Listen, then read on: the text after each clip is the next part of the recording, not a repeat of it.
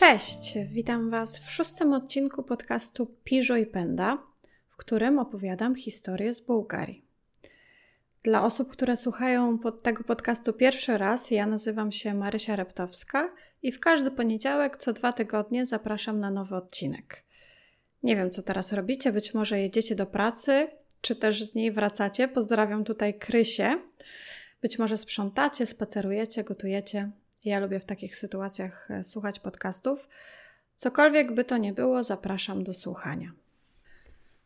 Myślę, że ten podcast będzie troszkę krótszy niż poprzednie, bo materiałów na temat tej sprawy nie ma tak wiele, niestety. Ta historia jest naprawdę wyjątkowa. Znaczy, ja chyba zawsze tak mówię, bo staram się takie historie wybierać, ale gdy przeczytałam o niej pierwszy raz, od razu wiedziałam, że muszę o niej opowiedzieć. To jest historia naprawdę tragiczna. No, wiadomo, jak każde zabójstwo, ale w tej historii tragiczne jest to, że zaledwie kilka sekund, jeden metr mogłyby zupełnie zmienić bieg zdarzeń. Czy można kogoś zabić i zupełnie tego nie zauważyć? Okazuje się, że tak. W drugim odcinku podcastu, jeżeli ktoś jeszcze nie słuchał, to zapraszam. Opowiadałam o zabójstwie trzyletniego Pepiego Terzyjskiego w marcu 2001 roku. Jego śmierć była przyczyną protestów w Sofii. Ludzie czuli ogromny gniew, bo było to trzecie zabójstwo małoletniej osoby od początku roku, a był to zaledwie marzec. I dzisiaj opowiem Wam o pierwszym zabójstwie tamtego roku, które wzburzyło opinię publiczną. Te historie są też w pewien sposób podobne do siebie, bo wydają się takie oczywiste, jednak potem okazuje się, że istnieją pewne wątpliwości. Ale o tym za chwilę. Posłuchajcie historii Eleonory Dimitrowej. Na początku 2001 roku Eleonora, którą bliscy nazywali Eli, miała 16 lat. Jej mama, Kalinka Borisowa, była nauczycielką muzyki w liceum. Eli miała o 3 lata młodszego brata, który oczywiście mieszkał razem z nimi. Ich ojciec już nie żył. Rodzina wiodła bardzo skromne życie. Nie będzie przesadą powiedzenie, że byli wręcz biedni. Eli była cichą, spokojną dziewczyną, a jak powiedziała o niej jej nauczycielka, była też trochę zakompleksiona z powodu swojej biedy, właśnie. W internecie jest dostępne tylko jedno jej zdjęcie. Myślę, że właśnie to zdjęcie wstawię na YouTube. Będziecie mogli je zobaczyć tam. I spogląda z niego tak przepiękna dziewczyna, że aż brakuje mi słów. Ma śliczny uśmiech, ciemne oczy, farbowane na ciepły blond długie włosy. W 2001 roku Eli skończyłaby 17 lat, co oznacza, że za rok miała zostać absolwentką. Możliwe, że już o tym myślała, bo w Bułgarii to jest ogromnie ważne wydarzenie. Od 19 maja cały tydzień absolwenci szkół średnich mają swoje bale. One nie mają jednak wiele wspólnego z polskimi balami maturalnymi. Każdy abiturient, czy też abiturientka, bo tak nazywają się oni po bułgarsku, zbierają się najpierw ze swoją rodziną i bliskimi w restauracji, robią sobie zdjęcia, otrzymują często bardzo hojne prezenty. Potem całymi klasami udają się na bal. Najczęściej, przynajmniej w Płówliwie, tutaj gdzie mieszkam, ten bal jest organizowany w hotelu, w restauracji w hotelu. Po tym balu natomiast około godziny 12 w nocy w mniejszych grupach zaczynają świętować w barach i dyskotekach. Ale to nie koniec. Tutaj w Płowdiwie na przykład jest taka tradycja, że wschód słońca wita się na jednym e, ze wzgórz. Najczęściej jest to wzgórze Bunarczyk. Dla osób, które o nie słyszały, miasto ma sześć wzgórz. Z każdego z nich jest piękny widok na miasto i góry. I tacy trochę mniej lub bardziej wstawieni absolwenci w garniturach, w sukienkach, na szpilkach udają się na wzgórze Bunarczyk i czekają na wschód słońca. I to też jeszcze nie jest koniec, bo następnego dnia lub kilka dni później klasy jadą na wycieczkę, najczęściej nad morze, często do Grecji czy do Turcji. Więc jak widzicie, bycie w Bułgarii mm, abiturientem, maturzystą, to jest naprawdę wielkie wydarzenie. To jest taki kamień milowy, rozpoczęcie mm, nowej drogi w życiu, nowego etapu w życiu bardziej. Ale niestety Eli na swój bal nigdy nie poszła. 29 stycznia 2001 roku, niecały miesiąc po tym, jak rozpoczął się XXI wiek, zimowego wieczoru, Eli poszła ze swoim chłopakiem, 24-letnim Filipem, coś wypić na mieście, coś bezalkoholowego. W jednym artykule czytałam, że y, mama Eli nie pozwalała jej wychodzić tak późno. Było nawet napisane, że to był pierwszy raz, gdy mogła y, wyjść o tej porze. Oboje wybrali się do nieistniejącej już knajpy Garbo, czy też Garbo, przy ulicy Patriarch Eftimi. To jest ulica w samym centrum Sofii, czyli stolicy Bułgarii. Przed północą, gdy zamykano knajpę, wyszli z niej i skierowali się do, do samochodu Filipa. Filip zauważył, że ktoś włamał się do jego Fiata i ukradł magnetofon. Zaczął oglądać samochód, a Eli y, zamierzała do niego wejść. Otworzyła drzwi i w tym samym momencie, ku na pewno przerażeniu i zaskoczeniu jej chłopaka, upadła na ziemię. Została postrzelona w plecy. 20 minut po północy zmarła z powodu zbyt dużej utraty krwi w szpitalu Pirogow. Filip wspominał później, że nie miał pojęcia skąd pochodził strzał i tak naprawdę co się dokładnie wydarzyło. W tym samym czasie, 20 minut po północy, 33-letni starszy porucznik pracujący w policji gospodarczej Kalin Kiosef był w jednej z sofijskich dyskotek. Razem z dziewczyną Mileną i przyjaciółmi świętowali tego dnia bo Kalin dostał awans. Miał zostać inspektorem. Dlaczego o nim mówię? Za chwilę się dowiecie.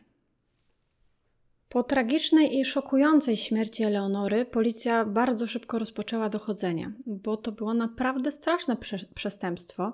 Młoda dziewczyna ginie w samym centrum Sofii od pocisku, który przybył nie wiadomo skąd. Policja ogłosiła, że pracuje nad kilkoma wersjami. Być może była to zemsta z zazdrości, morderstwo z premedytacją, rekoszet, dzieło rzekomych złodziei, bo to przecież taki dziwny zbieg okoliczności, że akurat wtedy ktoś im ukradł to radio. Może strzał był przeznaczony dla Filipa. Zaczęły pojawiać się też jakieś głosy, że Eleonora i chłopak byli zamieszani w jakieś ciemne sprawy, na przykład brali narkotyki.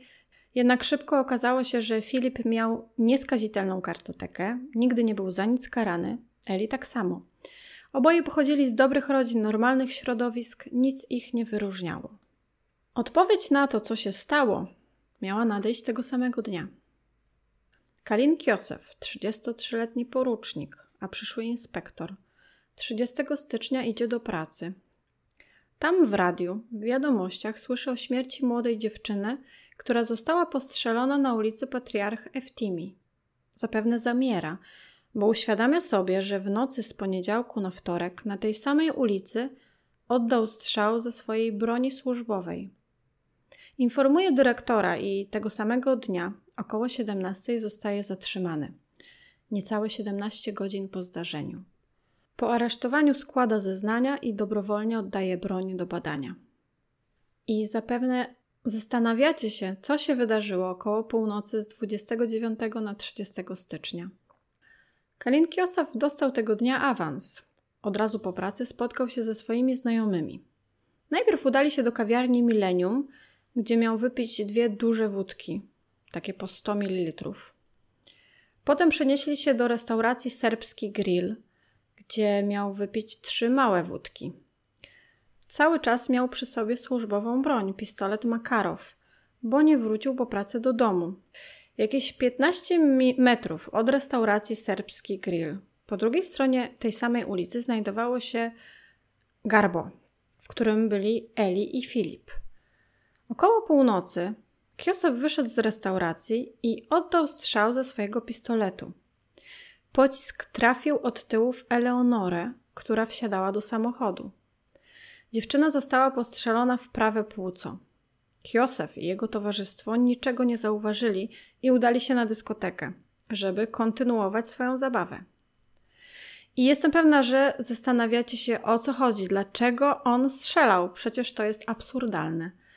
Wersji jest kilka.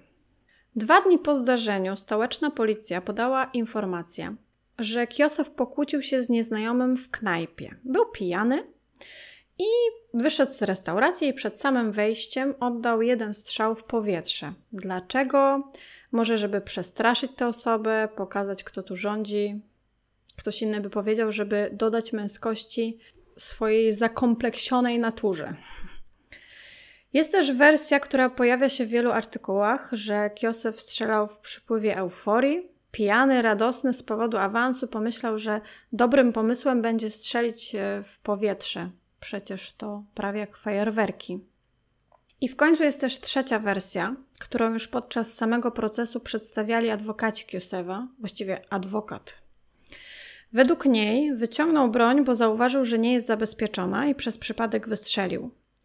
No i to jest taka najbezpieczniejsza wersja, bo wychodzi jedynie, w cudzysłowie, na, można powiedzieć, nieodpowiedzialnego fajtłapę, ale bardzo znany w Bułgarii adwokat, który zajmował się medialnymi sprawami, zmarł całkiem niedawno w tym roku, Marin Markowski.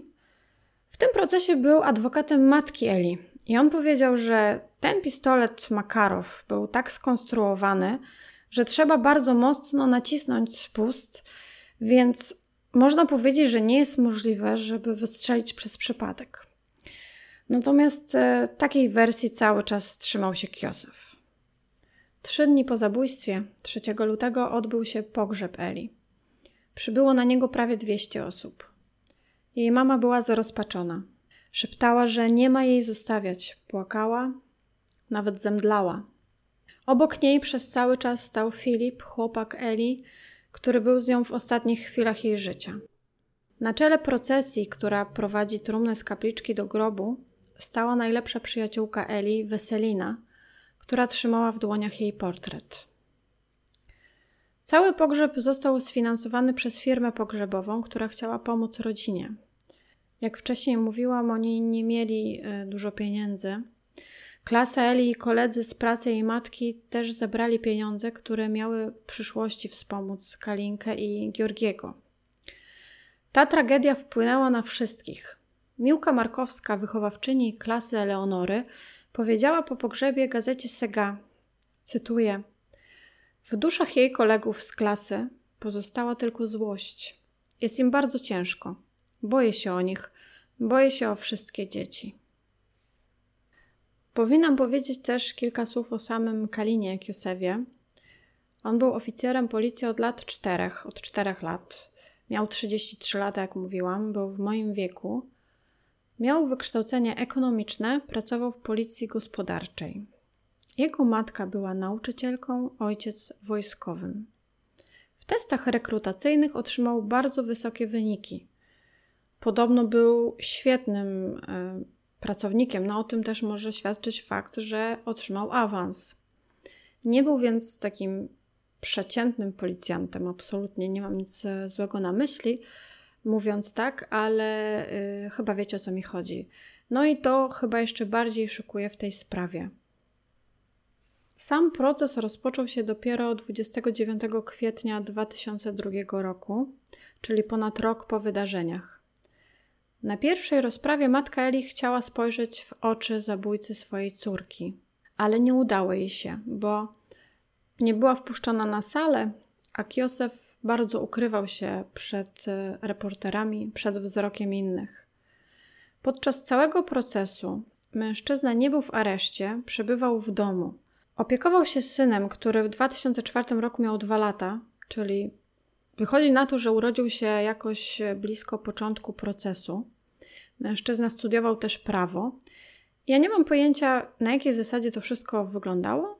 To jego przebywanie w domu, czy to był jakiś areszt domowy, czy on mógł z tego domu wychodzić, trudno mi powiedzieć. Proces trwał dokładnie dwa lata, często był odraczany. Nie będę więc relacjonować go w detalach, ale powiem ogólnie o najważniejszych informacjach, które padły w jego trakcie. Po pierwsze, biegli stwierdzili, że 31 stycznia w południe, czyli ponad 30 godzin po zabójstwie, w krwi Kalina Kiosewa znaleziono śladowe ilości kokainy 0,1 mg. Stwierdzono również śladowe ilości diazepamu i leksotanu. To są leki uspokajające. Ich obecność jest oczywiście no, logiczna. Natomiast jeżeli chodzi o tę kokainę, to to jest najbardziej e, frapujące. Eksperci nie byli jednak w stanie określić, kiedy dokładnie i w jakich ilościach Kiosef ją zażył. Kolejna sprawa to badanie balistyczne, które wykazało, że pocisk, który zabił Eleonorę i został później znaleziony w środku samochodu, został wystrzelony z pistoletu policjanta. To był najważniejszy dowód w sprawie. Na procesie wyjaśnienia złożyli także świadkowie. Jednym z nich był taksówkarz Peter Dimitrow, który zawiózł Eli do szpitala Pirogow. I teraz cytuję jego słowa. Odebrałem klientów z pomnika Lewskiego i byłem w drodze na ulicy Witusza. Na początku bulewardu Patriarch Eftimi przed samochód wyskoczył chłopak. Zatrzymał mnie i powiedział, że jego dziewczyna jest ranna.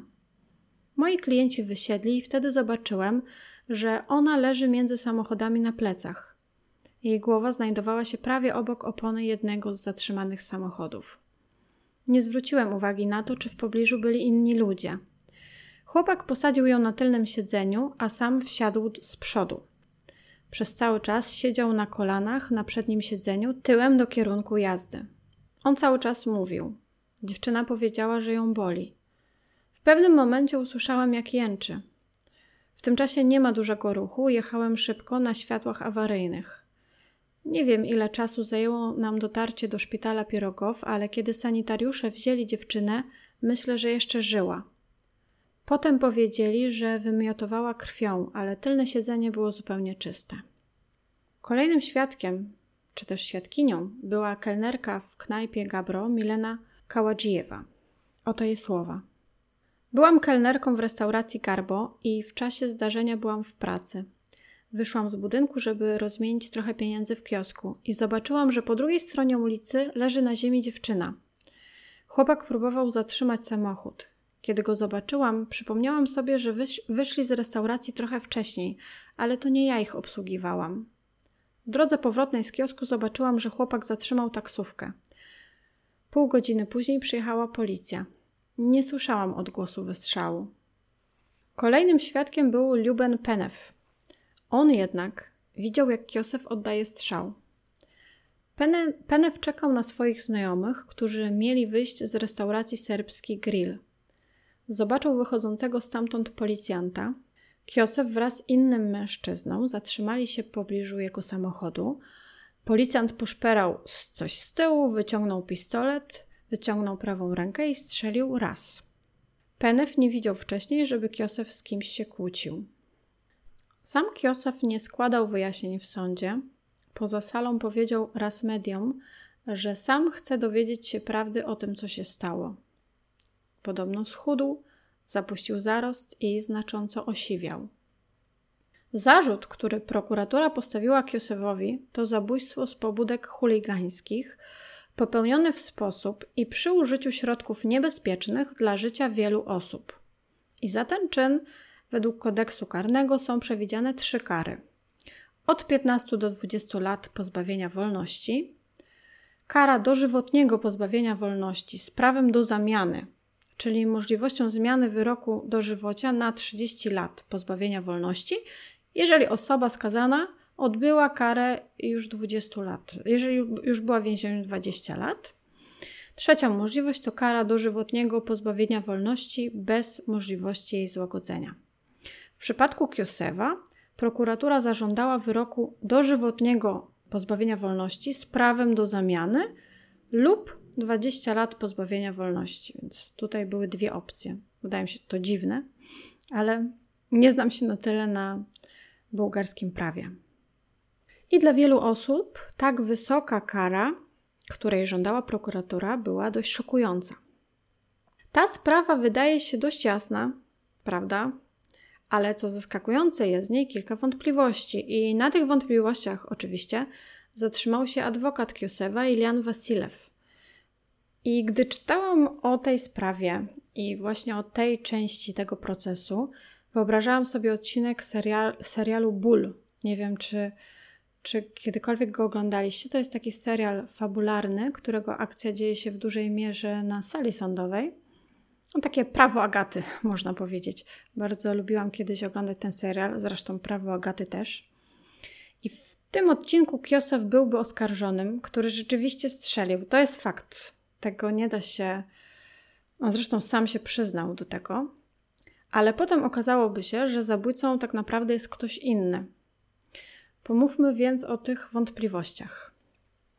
Wasilew, adwokat Kiosewa, szukał wszystkich możliwych luk i uchybień, do których doszło podczas postępowania przygotowawczego, chcąc oczywiście zdyskredytować dowody. Twierdził cały czas, że wina Kiosewa nie została udowodniona. Przede wszystkim e, adwokat miał zastrzeżenia co do samego śledztwa, bo na przykład śledczy nie zmierzyli odległości między zabójcą a ofiarą, nie zbadali trajektorii lotu pocisku, czyli jego y, toru, i stało się to, to, to dopiero podczas procesu przed sądem miejskim w Sofii. I wtedy właśnie ustalono, że odległość między Kiosewem a Eli wynosiła około 65 metrów. Biegli cztery razy, robili wyliczenia, aby wskazać e, trajektorię. Niejasne było też to, w jaki sposób pocisk przebił się przez tylne prawe okno samochodu, bo w nim też była dziura. Ale zbadanie tej kwestii nie było już możliwe, bo samochód został szybko zwrócony właścicielowi, który oczywiście to okno wymienił. I teraz tak, odcinek ulicy, na którym się znajdowali, ma niewielkie nachylenie i w momencie zdarzenia Kiosef znajdował się wyżej niż Eleonora. Wasilew zwrócił uwagę na to, że kula przeszyła dziewczynę z dołu do góry. Czyli Kiosef był wyżej niż Eleonora, ulica miała nachylenie, ale kula przeszyła dziewczynę z dołu do góry. Według Wasilewa jest to sprzeczne z nauką i on chciał w ten sposób podważyć to, że to właśnie Kiosef Eleonorę zabił. Teraz jak to tłumaczył prokurator i biegli? Prokurator mówił, że Eli nosiła 10-centymetrowe obcasy. No rzeczywiście, ma to jakiś sens. A według biegłych różnice w wysokości ranów lotowych i wylotowych można wyjaśnić bardzo prosto tym, że chwilę przed oddaniem strzału Eleonora była lekko pochylona do przodu. Zdaniem ekspertów pocisk poruszał się w linii prostej i równolegle do podłoża. Eksperci byli stanowczy, że nachylenie ulicy nie ma tutaj żadnego znaczenia. Bardzo ważną rzecz powiedział też Marin Markowski, ten adwokat matki y, Eli. Ja się z tym zgadzam i wydaje mi się, że to jest tutaj kluczowe. Prześledzenie trajektorii jest niemożliwe po prostu, bo Dokładne stwierdzenie, y, w jaki sposób Kiosew trzymał broń, y, jest też niemożliwe. Biegli opierali swoje wyliczenia na zeznaniach świadków, a przecież tutaj znaczenie ma każdy centymetr, czy on tę broń trzymał troszkę wyżej czy niżej. Też niemożliwe jest stwierdzenie, jak dokładnie była nachylona Eli, więc takie przykładanie zbyt wielkiej wagi do tych wyliczeń i wątpliwości z tym związane nie mają sensu. I ja rozumiem, dlaczego adwokat Kiosewa się na tym skupiał. On chciał wykazać, że jest niemożliwe, że to pocisk z broni e, jego klienta przebił płuco Eli, ale, ale wydaje mi się, że, e, że to trudno naprawdę cokolwiek powiedzieć. Głównym dowodem w sprawie był jednak pocisk. I mając taki dowód, e, myślę, że tutaj nie możemy mieć żadnych wątpliwości, kto Eli zabił. I dlatego nie trudno się domyślić, e, ten dowód również chciał zdyskredytować Wasilew. I on skupił się na tym, że pocisk różnił się od siebie na, podczas pierwszego badania i później. I to jest fakt, niestety. Czyli zbadano go na początku, on miał te swoje charakterystyczne ślady, dzięki którym można stwierdzić, że został wystrzelony z konkretnej broni.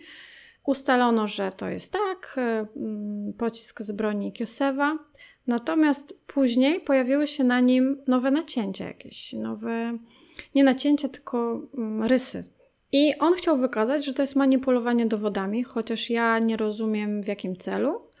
Prokurator nigdy nie wyjaśnił tej kwestii, po prostu ignorował ją. Natomiast Marian Markowski tłumaczył to tak, że to są jedynie niewielkie rysy, one mogły powstać e, na różny sposób. Podczas e, przenoszenia dowodu, podczas samej ekspertyzy. Więc jest to błąd osób, które się zajmowały tym dowodem, bo one dały argument po prostu y, adwokatowi, ale ja cały czas nie rozumiem, w jaki, w jaki sposób ktoś miałby tym dowodem manipulować. Nie w jaki sposób, a w jakim celu. Ale jakby nie patrzeć, pierwsza ekspertyza wykazała, że to był pocisk wystrzelony z, pistoletu Kiosewa. Ciekawszą kwestią jest chyba to, że jednym z dowodów, które zostały przedstawione, miały być kozaki Eli, które miały 10-centymetrowy obcas, ale okazało się, że one miały 42 rozmiar. Eli nosiła rozmiar o wiele mniejszy. Prokurator po prostu zignorował te kwestie. Ja to sobie tłumaczę w ten sposób, że być może pojawił się ten problem, powiedzmy, z wytłumaczeniem trajektorii pocisku. I tak jak już wcześniej Wam mówiłam, Zgadzam się z Markowskim, że tego nie da się w, w jakikolwiek sposób wykazać, udowodnić, yy, ocenić, wyliczyć. I prokurator może tak sobie wymyślił, może powiedział o tych 10-centymetrowych obcasach, mimo że tak nie było. I potem y, stwierdził, że sobie wymyśli taki dowód, który nie był prawdziwym dowodem, więc to jest bardzo głupia zagrywka z jego strony, jeżeli tak było, bo tylko daje argumenty Mm, adwokatowi e, Kiosewa. Nie wiem, co wy myślicie na ten temat. Mamy też jeszcze jedną kwestię. Adwokat próbował wyjaśnić śladowe ilości kokainy. Twierdził, że po tym jak Kiosew dowiedział się o zabójstwie, przyjmował dużą ilość tabletek uspokajających. I w tych tabletkach znajduje się metabolit, który tak naprawdę został znaleziony we krwi, czyli nie znam się na tym i nie będę udawać. Natomiast z tego, co zrozumiałam, stwierdzając, że Kiosew zażył kokainę, tak naprawdę stwierdzono, że ma ten metabolit, a ten metabolit znajduje się również w jakichś tabletkach uspokajających. Czyli zarówno kokainie, jak i tabletkach uspokajających. Nie wiem, czy to ma ręce i nogi. Oczywiście adwokat chciał jakby oczyścić jego wizerunek w tym momencie, bo ten fakt, że przyjął kokainę, na pewno źle wpływa na ten wizerunek i jest dobrym argumentem dla prokuratury, która mówi o, o chuligańskich działaniach. Ale jak było naprawdę, nie mam pojęcia. Adwokat powiedział, że gdyby tylko Kiosef chciał, to bardzo łatwo mógłby uniknąć kary, bo wystarczyłoby jedynie zgubić, w cudzysłowie, broń, albo trochę przy niej pomajstrować, bo jeżeli się e, włoży mm, na przykład do lufy coś, co by mogło ją porysować w środku, to wtedy nie byłoby możliwe udowodnienie, że to z jego broni wystrzelono pocisk.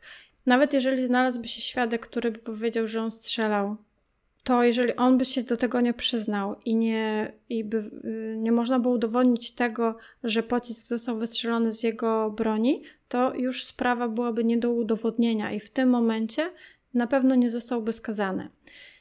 Po co adwokat to powiedział? Chciał e, podkreślić to, że Kiosef sam się przyznał do winy, sam oddał broń, składał zeznania, więc to tylko świadczy o tym, że na pewno nie zasługuje na najwyższą karę. Nie jest złym człowiekiem i y, żałuje tego, co zrobił.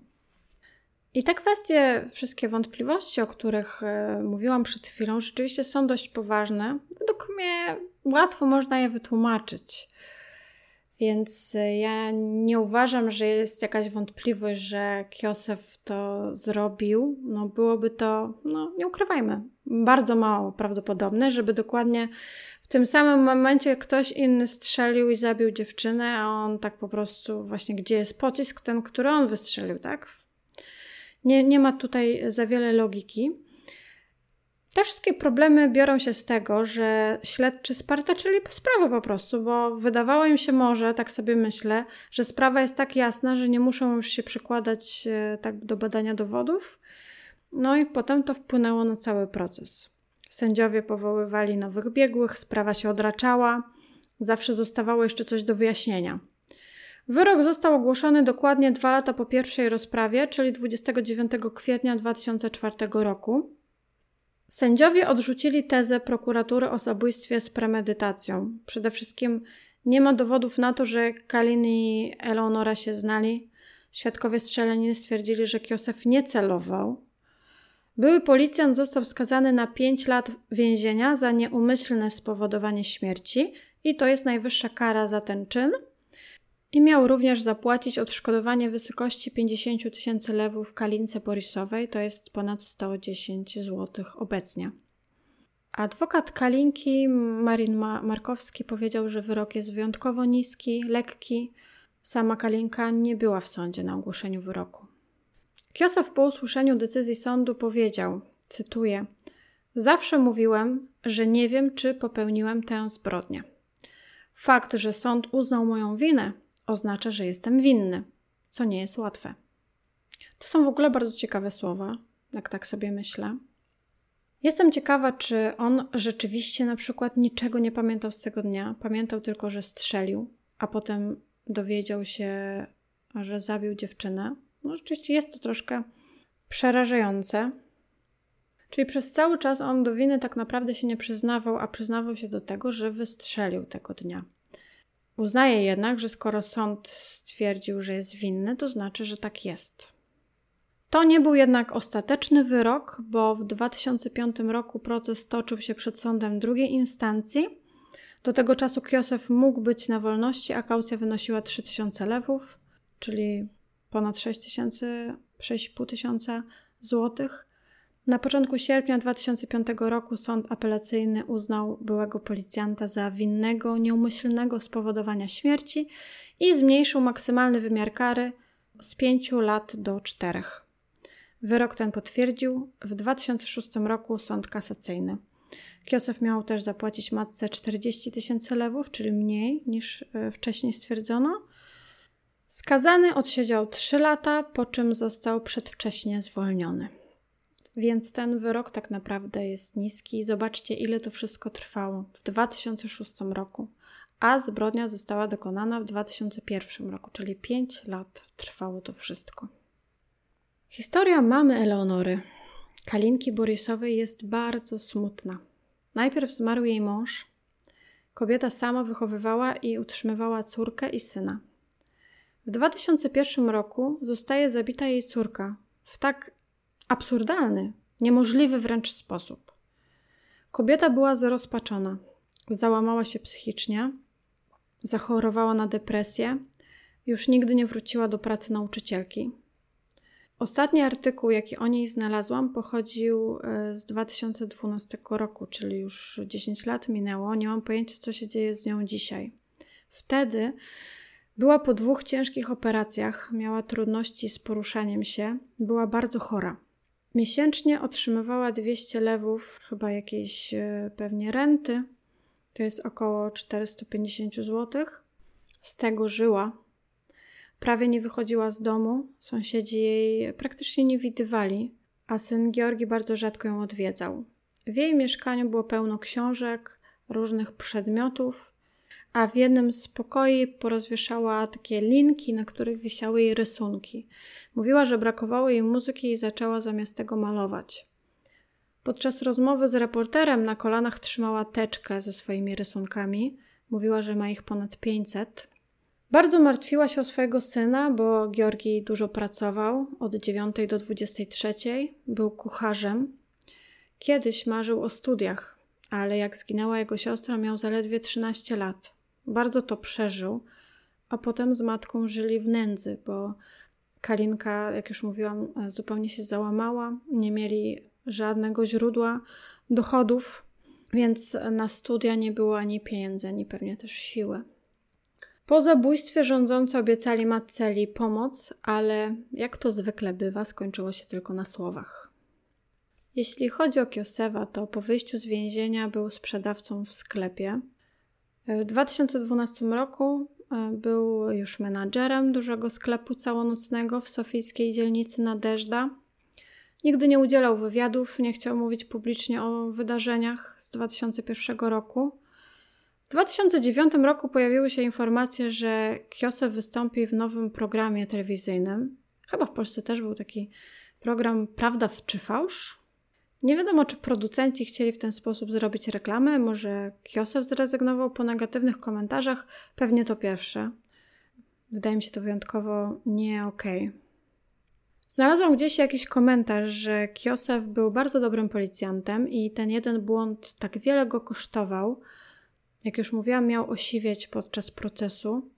Jego życie w tym dniu zmieniło się o 180 stopni. Ja chyba porównałabym tę sytuację do zabicia człowieka jadąc samochodem pod wpływem alkoholu. Jeden błąd zmienia całe życie.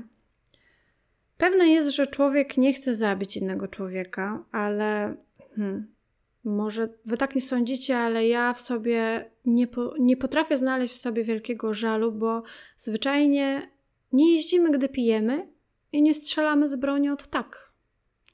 A jeśli robi to policjant, osoba, która powinna nas chronić, której powinniśmy ufać, to jest to jeszcze bardziej takie, nie wiem, przerażające.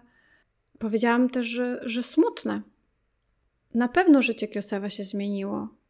Można powiedzieć, że był w bardzo dobrym momencie swojego życia. Właśnie został inspektorem, miał prestiżową pracę, miał dziewczynę, chciał założyć rodzinę, a potem nagle kilka lat procesów, więzienie i praca w sklepie.